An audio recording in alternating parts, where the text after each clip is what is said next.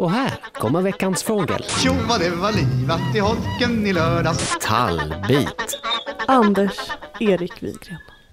Klara Wallin. Ja, du kan inte mitt mellannamn. Bara Klara Wallin. Nej. Ja, vad, heter du? Elisabeth. Klara Elisabeth Wallin. Ja.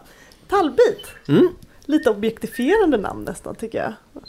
På vilket sätt? Men det är lite så här, om man är en liten bit. En liten bit. Ja.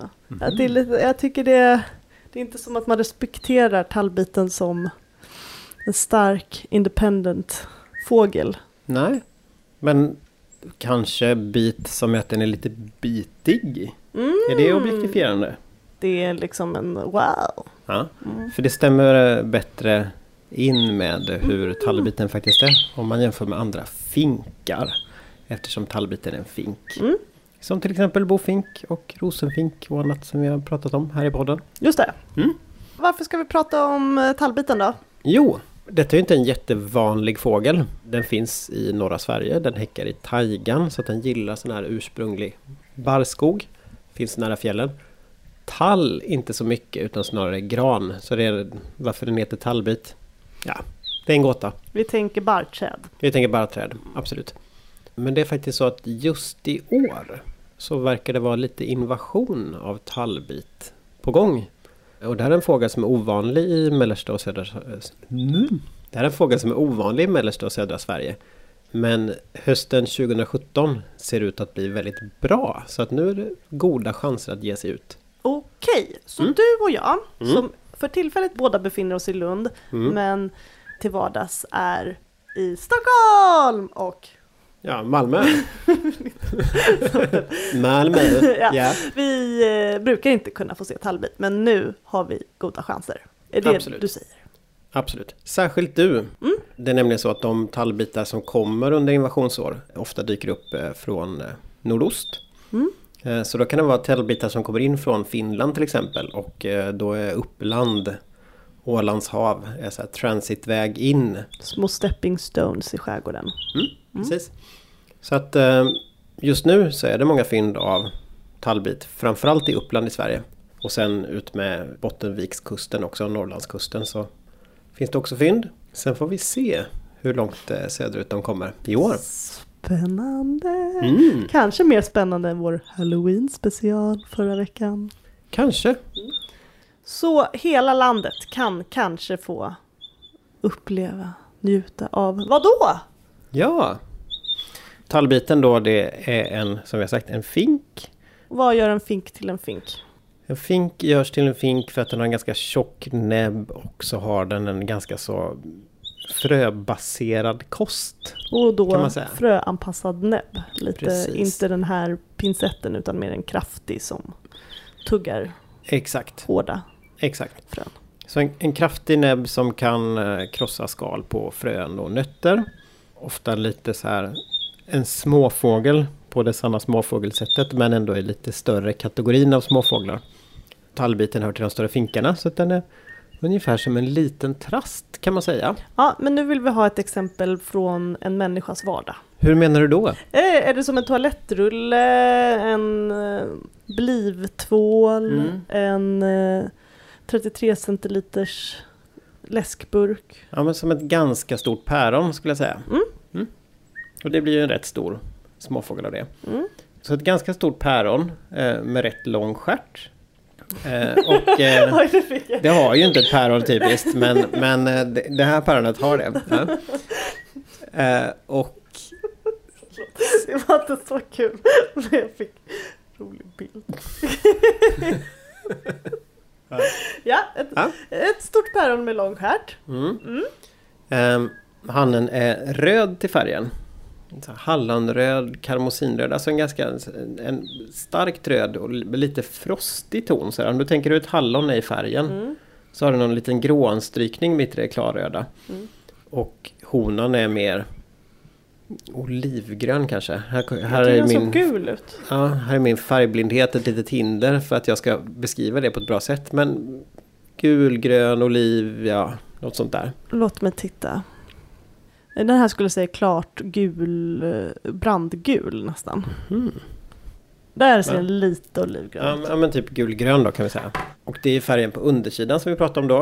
Eh, Mm. Det här hallonröda och det oklart gulgrönaktiga. Mm. Och sen på ryggen så är den gråsvart. Och sen är den två stycken tunna vingband på vingen. Mm. Och en ganska så kort och lite tjock kraftig näbb sådär. Mm. Kanske kan liknas vid en korsnäbb lite grann som en annan fink. Och den har vi inte varit inne på. Korsnäbbar är lite, lite mindre, har kortare stjärt och sen har de en kraftigare näbb som går helt i kors så att säga. Så att de, korsnäbb är ganska mycket huvud i siluetten och tallbit är ganska mycket kropp i siluetten på en sittande fågel. Okej. Mm. Det är, ibland kan det vara lurigt att förklara men googla bilder så Nej, Kan man googla inte bilder. Följ oss på Ja. veckans understreck fagel. Låt oss do the googling. let us do the googling and we shall show you. Absolut. Så det är vad man hör. Nej, vad man, vad man ser. ser. Just det. För nu- Vad är det man hör Ja, då? Ja. bra, bra.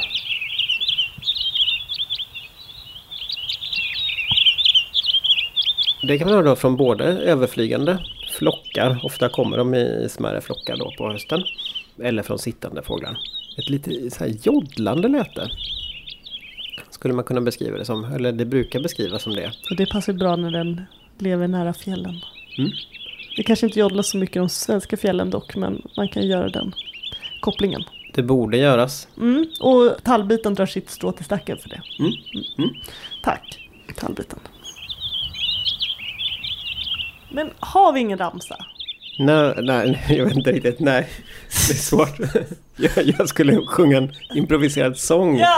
om tallbitens joddlande, men jag visste inte riktigt Vad- Hur? vad- Vilka ord du skulle den, började, den började med när i alla fall, det var helt Aha. klart. Ja. Oj. När tallbiten joddlar i du, du, du.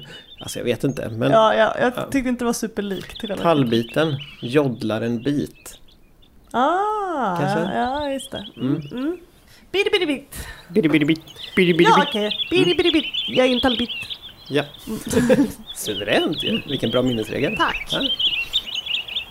Detta kan du då uppleva framför allt nu på hösten. Mm. Där det finns rönnbär såklart. Ah, är det Yes. det som ger dem färgen? Eh, nej, det tror jag faktiskt inte att det är. Det var Ehm, otroligt. Det hade varit väldigt roligt. Också konstigt om det hade varit skillnad mellan hanen och honan i, i det.